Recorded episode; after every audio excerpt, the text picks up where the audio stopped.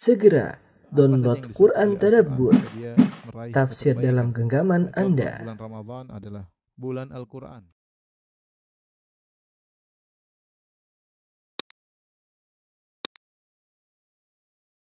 Bismillahirrahmanirrahim. Assalamualaikum warahmatullahi wabarakatuh. Alhamdulillahi ala ihsani wa syukru lahu ala taufiqihi wa amtinani. Asyhadu an la ilaha illallah wahdahu la syarika lahu anna Muhammadan abduhu wa rasuluhu da'ila ridwani. Allahumma salli alaihi wa ala alihi wa ashabihi wa ikhwani.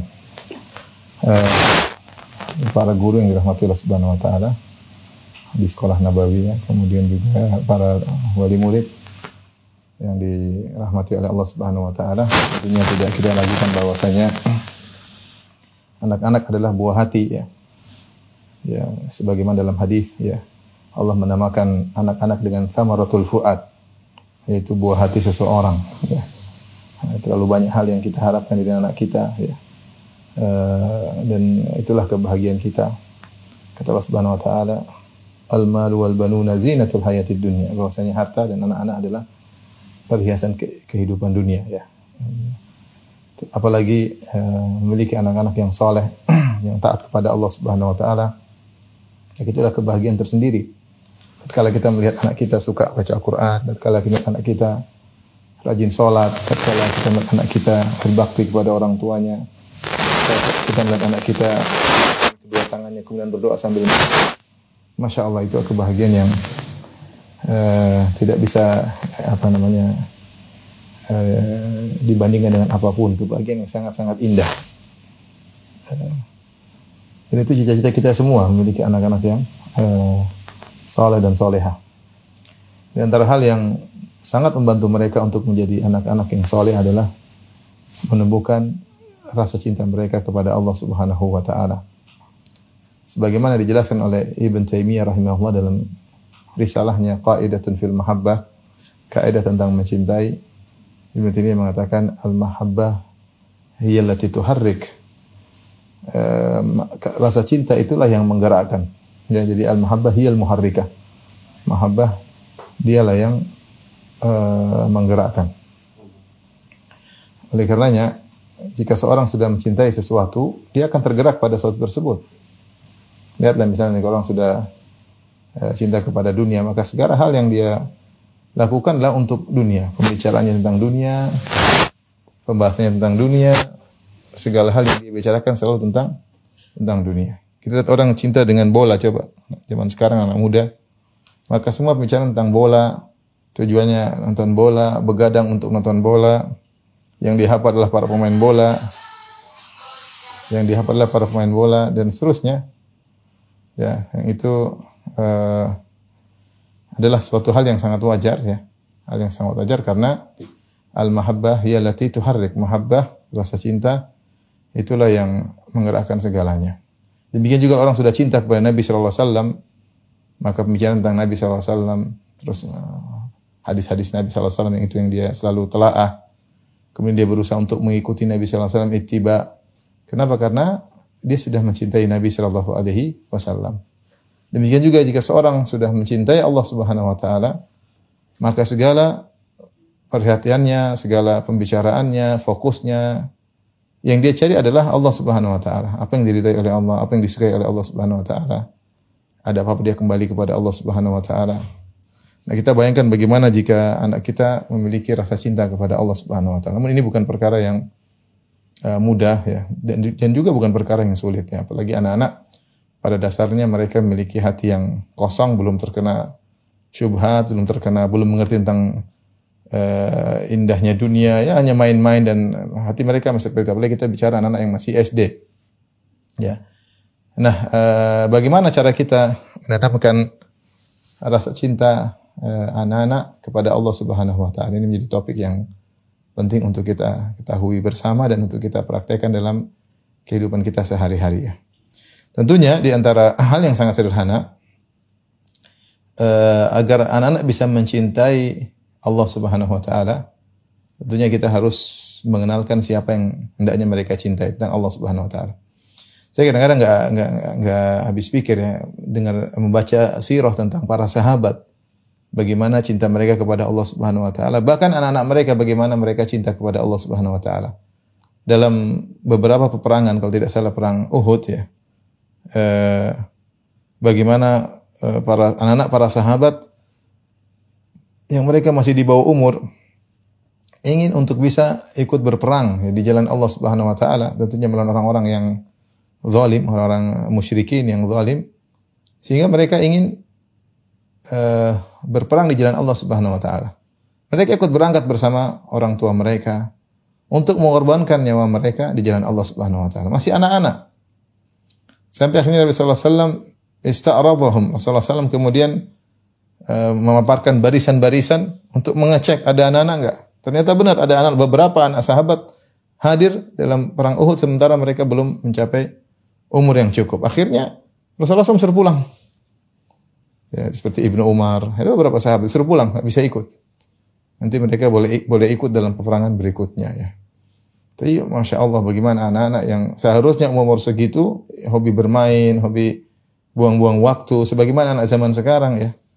Tapi para sahabat mendidik anak-anak mereka luar luar biasa. Tapi itu uh, adalah hal yang sangat mungkin dan pernah terjadi di kalangan para sahabat. Tidak lain karena kecintaan anak-anak kepada Allah Subhanahu wa taala dan kecintaan yang luar luar biasa. Uh, kita kembali ya, bahwasanya di antara kalau saya mau tulis ya, cara cara-cara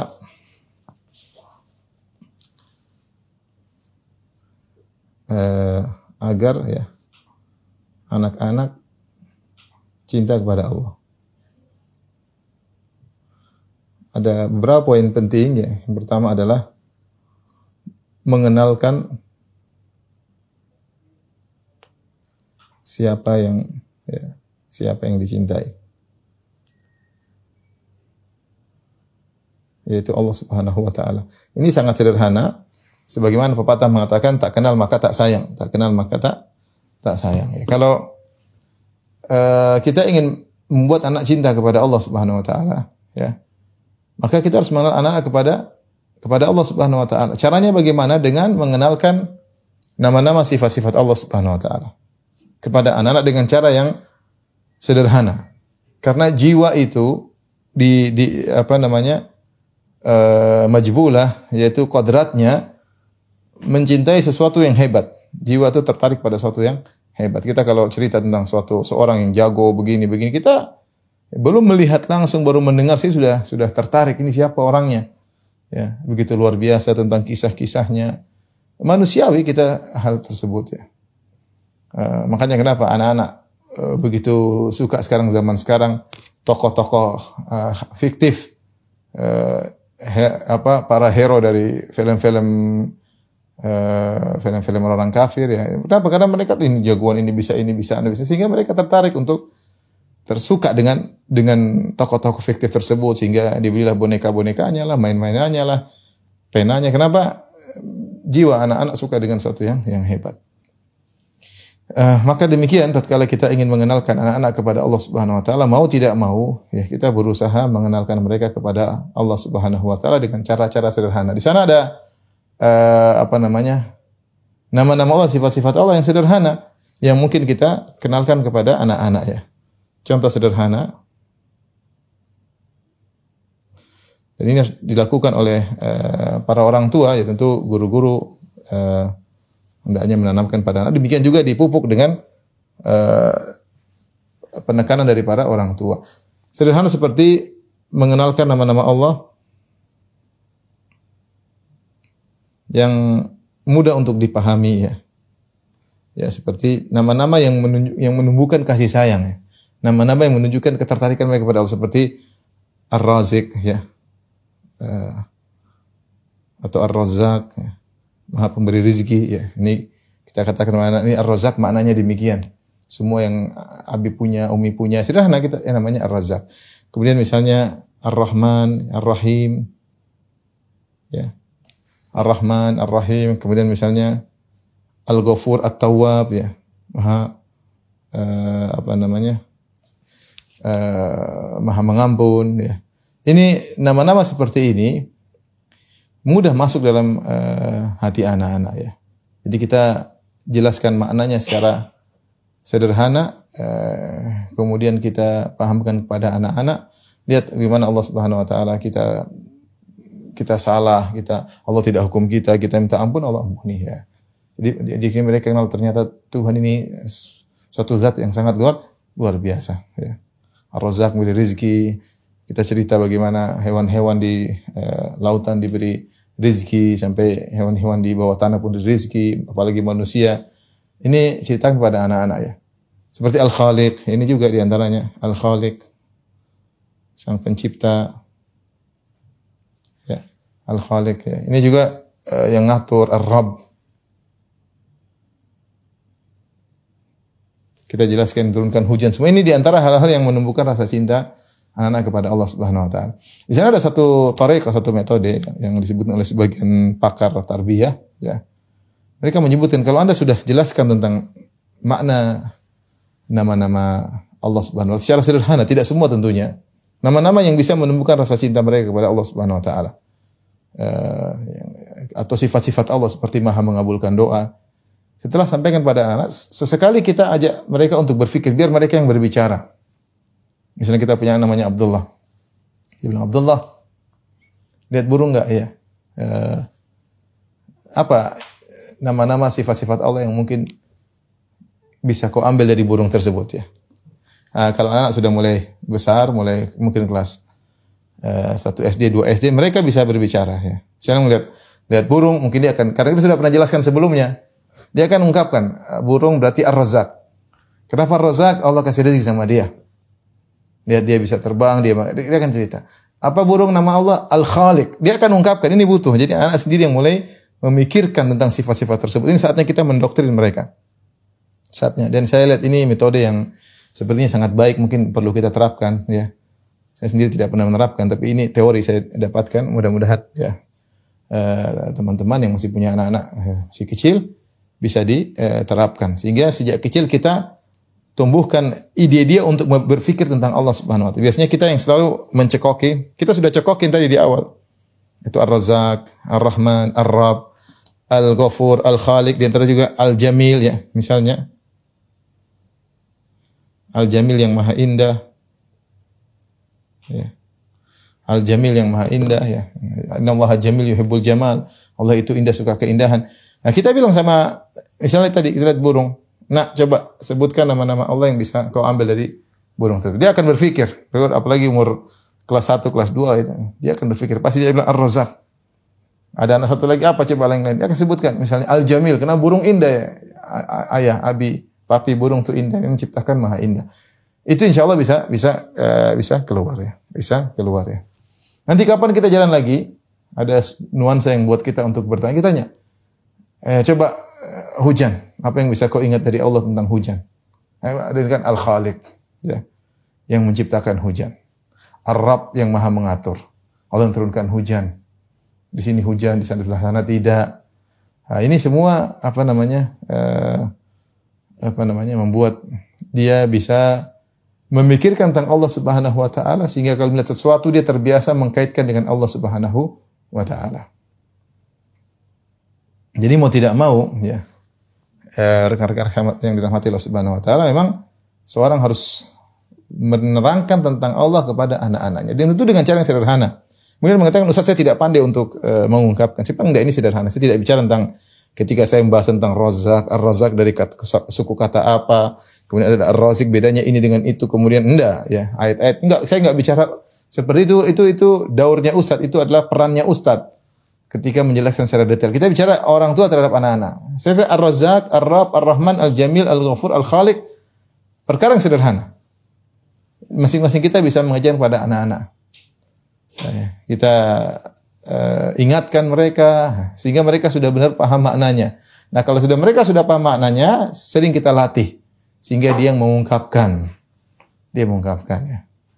Tanya aja kalau lihat Uh, kereta api coba apa nama Allah dari kereta api mungkin bingungnya kereta api apa yang kereta api misalnya dia pikir mungkin dia bilang al khaliq atau yang sang pencipta ya kereta api diciptakan manusia apalagi manusia diciptakan oleh Allah Subhanahu wa taala lebih utama mungkin dia bilang al qawi yang maha kuat bagaimana Allah bisa gerakkan uh, kereta api ya sebagaimana Allah gerakkan matahari intinya kita mulai hidupkan dalam diri mereka eh, apa namanya ket- keterikatan hati mereka kepada Allah Subhanahu wa taala. Dan kita punya pepatah tak kenal maka tak sayang. Ya, ini cara di antara cara praktis agar anak-anak cinta kepada Allah Subhanahu wa taala.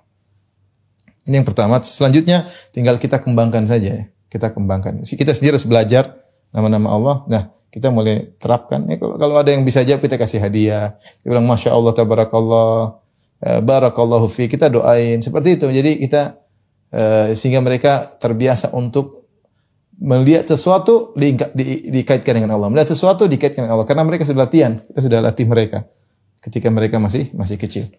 Tapi yang kedua, misalnya di antara cara kita untuk mengenalkan anak kepada Allah Subhanahu wa taala yaitu mengingatkan nikmat-nikmat Allah kepada sang anak.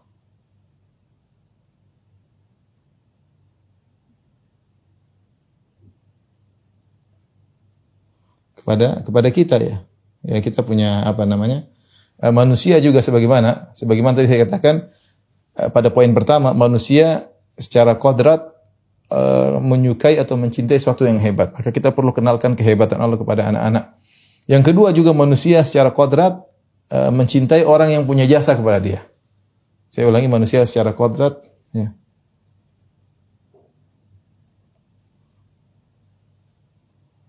Secara fitrah, ya, mencintai orang yang berjasa kepadanya.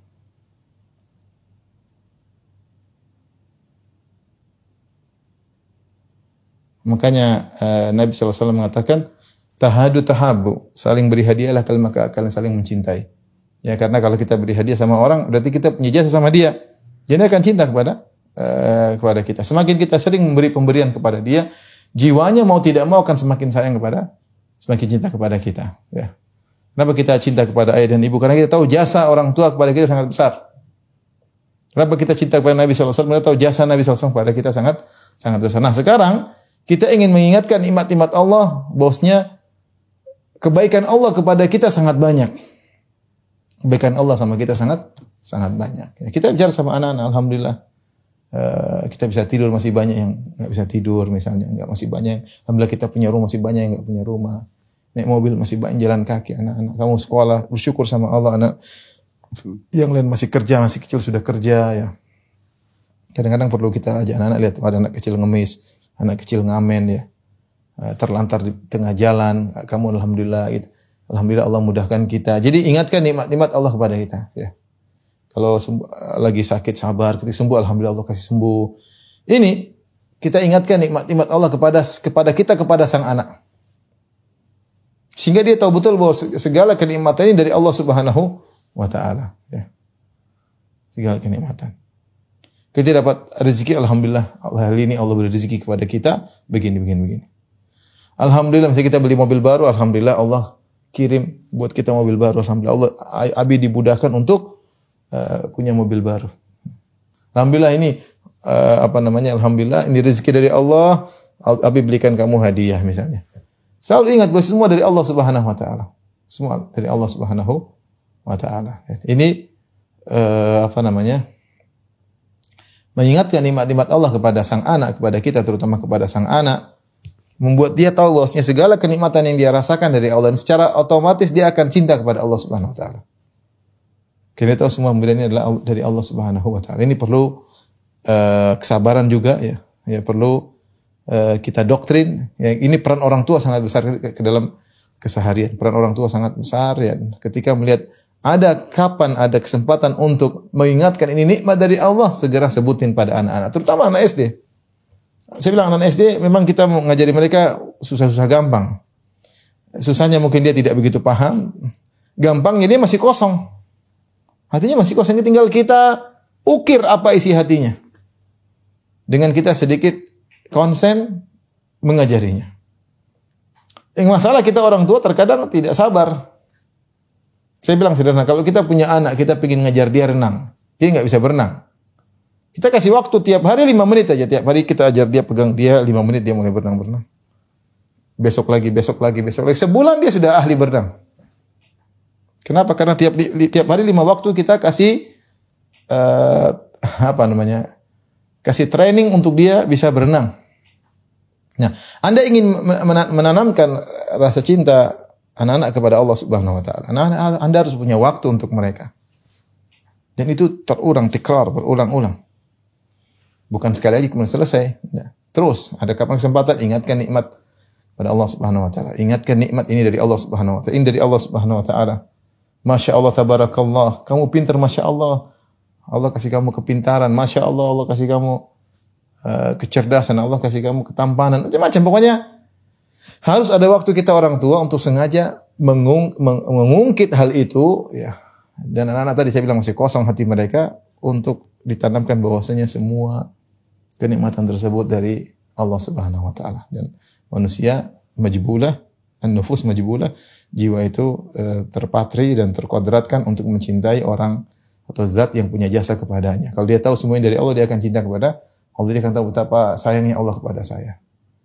Ya, betapa sayang Allah kepada saya, betapa e, baik Allah kepada saya. Allah Allah menciptakan kamu seperti ini, masya Allah. Ya itu itu peran orang tua uh, terutama dia bukan dalam dalam mungkin dalam model pelajaran enggak. Pelajaran kan anak ngantuk dengar dengan ustadznya bilang ini berarti Allah begini berarti mungkin ngantuk. Tapi orang tua ketika ada satu kondisi dia ungkapkan langsung praktek itu, langsung masuk ke hatinya.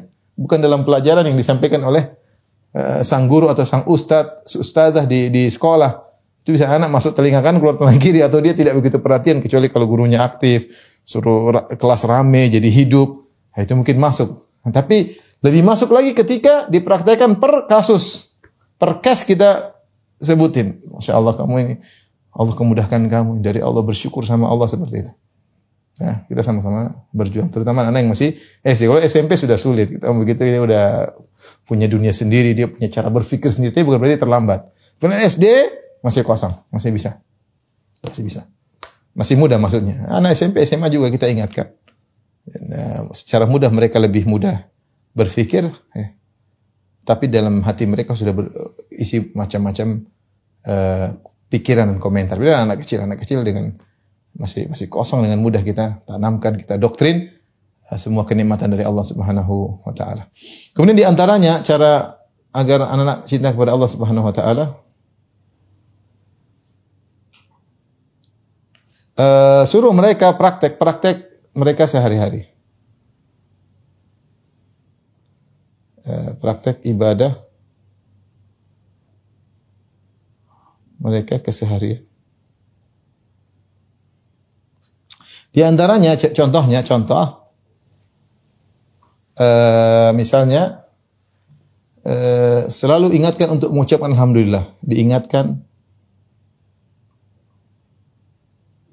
untuk senantiasa memuji Allah.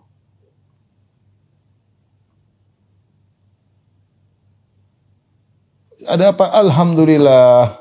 Bilang apa nak? Dikasih hadiah dari Abi. Alhamdulillah. Apa itu artinya? Segala puji bagi Allah. Dia bilang Alhamdulillah nggak ngerti artinya. Ingat segala puji bagi Allah ya. Apa saja dia dapatkan, dapat hadiah kayak beli makanan, kayak apa, kayak yang dia senangi, bilang apa nak? Alhamdulillah. Alhamdulillah. Apa saja keberhasilan dia berhasil bikin mainan, Alhamdulillah. Apa aja yang dia bikin? Dia berhasil gambar sesuatu yang indah, bilang apa nak? Alhamdulillah. Itu buat dia ingat kepada Allah dan dia tidak ujub. Sejak kecil kita ajarin dia nggak ujub. Gak sombong. Mungkin dia datang, Abi, saya sudah bisa gini-gini. Bilang apa nak? Alhamdulillah. Ini praktek membuat mereka terikat hati mereka dengan Allah dan insya Allah mereka akan cinta kepada Allah Subhanahu wa taala ya. Kelihatannya sepele tapi ini penting. Tadi saya katakan kita aja yang mungkin malas itu tadi masalahnya. Kita pingin ajar kalau kita ngajar anak kita renang kita bisa konsen tiap hari kita kasih waktu. Nah kita ingin ajarkan anak kita cinta kepada Allah. Kita nggak kasih waktu buat anak-anak nggak bisa. Kita buat tidak bosan-bosan bilang ayo ucapin apa? Alhamdulillah. Apa artinya? Segala puji bagi Allah. Praktek untuk memuji Allah Subhanahu wa taala. Praktek untuk memuji Allah Subhanahu wa taala. Contoh lagi misalnya kita ajarkan ibadah berkorban untuk Allah ya. Ibadah berkorban untuk Allah. Seperti apa? Misalnya, misalnya puasa. Puasa sunnah, puasa wajib, misalnya sedekah. Anak-anak bisa diajarin nih. Dia puasa bukan puasa aja, puasa karena Allah, ya. Puasa karena Allah. Gimana nggak makan uh, puasa. Jadi dia dia dia ada belajar berkorban untuk Allah. Situ akan akan mudah Allah kasih rasa rasa cinta. Allah Allah akan tanamkan langsung. Karena dia dia diajari untuk berkorban karena Allah Subhanahu wa taala. Sedekah salah satu bentuk berkorban karena Allah Subhanahu wa taala. Dia punya uang, kamu sedekahkan gitu, biar dapat pahala dari Allah. Karena Allah. Sehingga dia mulai karena Allah. Allah suka dengan hal ini. Maka kalau kita ingin mengantarkan, mengajarkan seorang cinta kepada Allah, kita mengajarkan dia untuk melakukan hal-hal yang dicintai oleh Allah Subhanahu wa taala. Allah suka kamu puasa. Dia bilang gitu. Kita kalau tegur misalnya, nah Allah nggak suka kamu begini.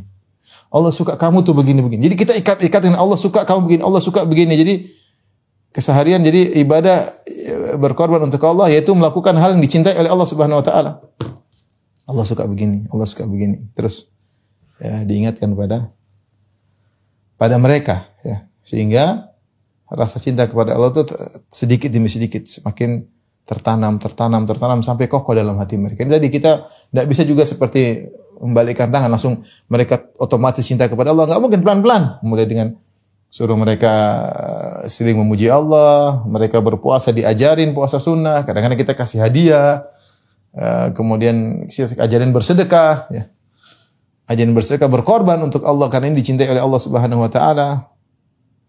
Ini di antara cara agar kita menumbuhkan cita anak-anak kepada Allah. Di antaranya misalnya saya rasa paling indah di antaranya, misalnya ajar mereka sering berdoa.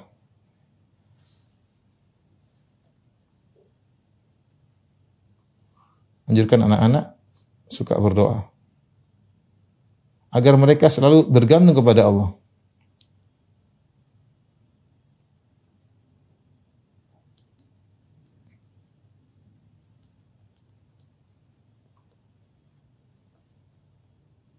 Misalnya contoh mereka minta bi belikan ini mi udah kamu ya abi kamu doa dulu doa juga lah biar abi dimudahkan Allah gitu kita bilang. Doa kamu juga lah agar abi dimudahkan. Kamu nggak berdoa sih abi gimana susah nih mau belikan kamu ini. Doa doa. Eh, doa angkat tangan masya Allah. Anak angkat tangan. Ya Allah. Saya kadang lihat anak-anak berdoa, doa apa sih? Allah. si kecil doa.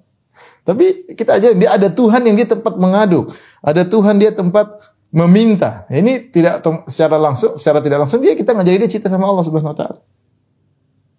Segala yang tidak masuk akal bisa masuk akal dengan minta kepada Allah Subhanahu wa taala. Minta kepada Allah. Ajari sejak mereka anak-anak. Senantiasa berdoa. Kalau enggak kita tanya, kamu doain Nabi belum? Sudah bi doain apa? Ini ceritanya. Doain agar kita bahagia bi. Kadang-kadang mereka tulis dalam suatu buku ya Allah. Itu sudah mereka sudah pandai berdoa sudah luar biasa itu. Kadang mereka buat tulisan ya Allah masukkanlah aku uh, abi, umi, kakak, adik di surga. Wah itu kita lihat tuh bahagia sekali. Berarti dia sudah cinta kepada Allah. Dia sudah tahu Allah tempat meminta. Dia sudah tahu Allah adalah uh, uh, tempat bersandar. Sampai dia doain, saya doain Abi biar gini, ah itu luar biasa. Luar biasa. Bahagia kita lihat hal tersebut, bahagia kita membaca tulisan mereka. Terkadang mereka tulis di diary dengan tulisan, kadang mereka jadikan uh, lukisan terkadang mereka jadikan apa namanya status misalnya profil ya dan macam-macam. Nah ini penting ngajarin anak untuk selalu minta kepada Allah. Jangan selalu mengajarkan mereka bersandar kepada ayah kepada ibu bilang ya, ya abi, akan usaha tapi kamu doa sama Allah. Kamu udah doa belum? Oh, kamu nggak pernah doain Nabi, kamu nggak pernah doain. Doa Abi, doa mau doain apa? Nah, gitu. Mudah minta sama Allah belum? Selalu gitu. Ini contoh uh, praktek mereka keseharian ya itu sangat-sangat bermanfaat agar mereka uh, sangat cinta kepada Allah Subhanahu wa taala. Kemudian di antara mungkin yang bisa kita lakukan agar uh, menambah cinta kepada Allah Subhanahu wa taala saya tambah di sini mungkin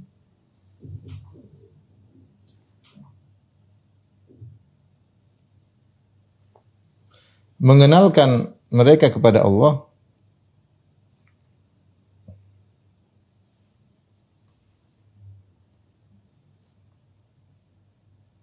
melalui kisah-kisah.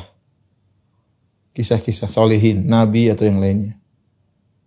Ini ini ini perlu kepiawaian kita orang tua untuk cerita sederhana. Kita harus baca tentang kisah-kisah nabi kita cerita sama mereka. Karena kecil mereka senang cerita. Kisah.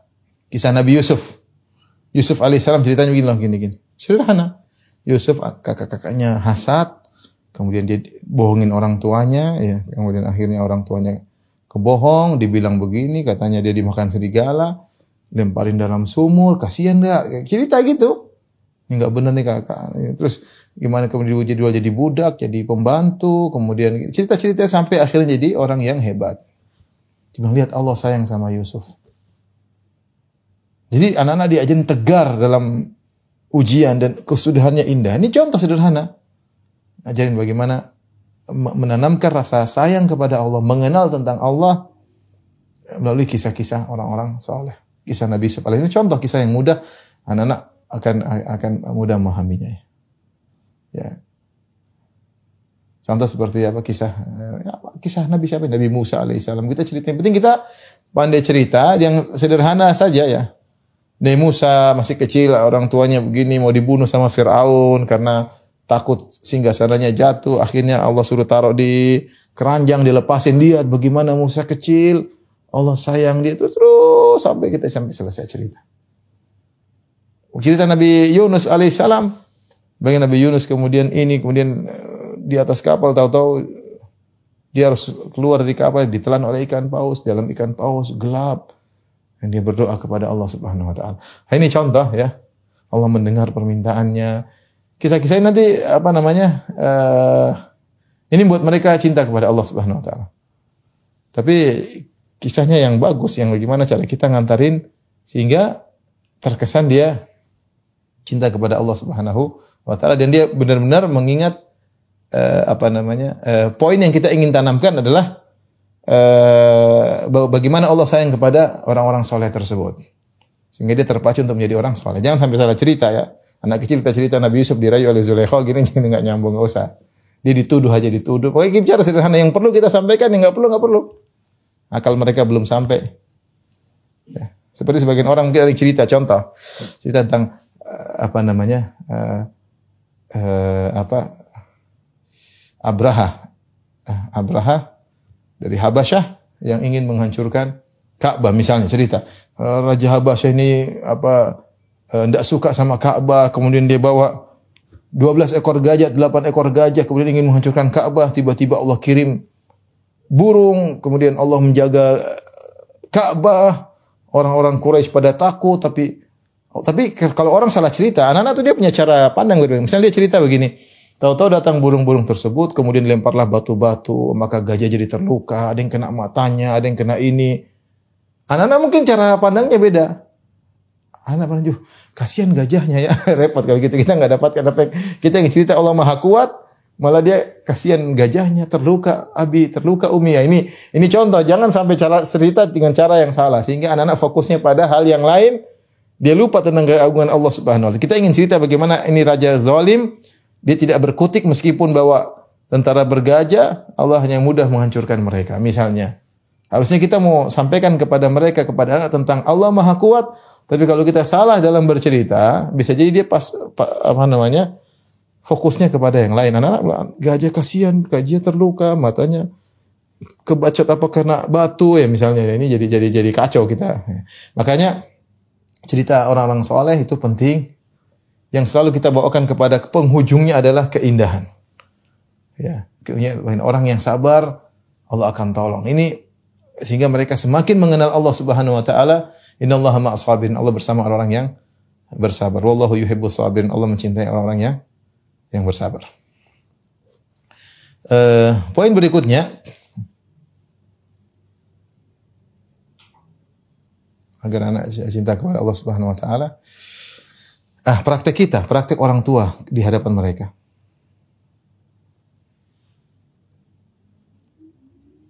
Ini juga sangat sangat penting di hadapan mereka.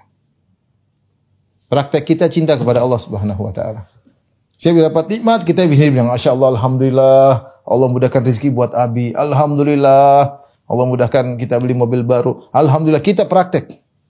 Kadang kita sujud syukur di hadapan mereka ada kabar, ya bentar Abi sujud syukur dulu. Allah Akbar, sujud syukur. Nabi, ya, Alhamdulillah, Abi dapat begini. Abi menang proyek, Abi apa kek, apa kek. Sehingga, eh, ayah saya cinta sama Allah Subhanahu Wa Taala. Ya. Ada kita lagi ini ada kalau kondisi dan normal seperti sekarang, alhamdulillah ada azan, semua Abi berhenti dulu, Abi mau sholat. Kalau udah panggil, ya berhenti dulu, berhenti dulu. Jadi anak-anak lihat kita punya perhatian sama sholat di, di, di masjid. Ya. Kita berdoa depan anak-anak, berdoa. Saya kadang anak-anak tanya, Abi doa apa kok sampai nangis gitu? Maksudnya, kenapa? Saya sengaja doa depan mereka. Saya sengaja sholat sunnah di depan mereka. Saya sengaja baca Quran depan mereka. Ya, seperti itu. Ya, terkadang kita sedekah di depan mereka. Ini praktek, anak-anak lihat. Nabi saya enggak, maksudnya, eh, Abi saya, ya dia lihat bagaimana seorang berjuang untuk Allah Subhanahu Wa Taala. Anak-anak harus di, diomongin dan melihat praktek nyata di hadapan kita. Kita yang praktekan. Ya, kita yang eh, praktekan. Gimana melihat ibunya? Masya Allah suka baca Quran. Suka baca Quran. Uh, perhatian sama taklim misalnya, baca Quran. Anak-anak tertarik. Anak-anak ibunya cuma buka HP melulu, IG, Facebook. Anak-anak ya tertarik dengan IG-nya, dengan Facebook-nya. Lihat ada contoh nyatanya ibunya hobinya apa? Facebookan. Ibunya hobinya Instagraman. Ini peran anak-anak dan eh, peran orang tua baik ayah maupun ibu sangat penting. Tanamkan eh, rasa cinta kepada Allah dengan praktek kita sehari-hari. Dengan praktek orang tua sehari-hari di depan di depan mereka. Terutama hal-hal yang dicintai Allah dipraktekkan menyandarkan segala kenikmatan kepada Allah Subhanahu wa taala. Jadi ucapan alhamdulillah, bersyukur alhamdulillah Allah mudahkan. Allah Allah selalu gitu. Allah Allah yang berikan semua ini nak. Allah yang mudahkan Abi seperti ini. Allah bukan Abi dulu begini, Abi dulu begini. Enggak. Bilang Allah dulu mudahkan Abi begini. Allah dulu mudahkan Abi begini. Selalu. Sehingga dia dengar suara Allah, Allah, Allah, Allah, Allah. Terus. Kalau dia salah, Allah maha pengampun. Udah kamu jangan ulangi lagi. Allah maha sayang sama kamu. Kamu jangan ulangi lagi. Ya. Kamu kerja, semoga Allah masukkan kamu dalam surga. Semoga kamu masuk surga. Sebut hal yang apa ya? Eh, yang indah ya. Yang indah. Beda dengan orang tua yang mungkin omongannya laknat lah, celaka kamu lah. Jadi dia benci sama Allah. Kamu celaka di sisi Allah. Kamu begini selalu maki-maki anaknya. Anaknya dengar kecelakaan dulu isinya. Dia tidak cinta sama Allah, dibenci mungkin sama Allah. Ini perlu kita milih eh, apa namanya diksi apa yang kita sampaikan kepada anak-anak harus kita pilih-pilih sehingga kita mengedepankan kasih sayang Allah kepada anak-anak. Ada saatnya kita bilang hati-hati kamu. Abi tidak ingin kau diadab di neraka. Ada suatu saat kita sebutkan gitu ada. Tapi itu bukan hukum asal. Hukum asalnya kita semua sebutkan surga. Surga, surga. Kita misalnya umroh kita pulang. Nah, tadi Abi waktu umroh Abi doain kamu, kakak, adik semua.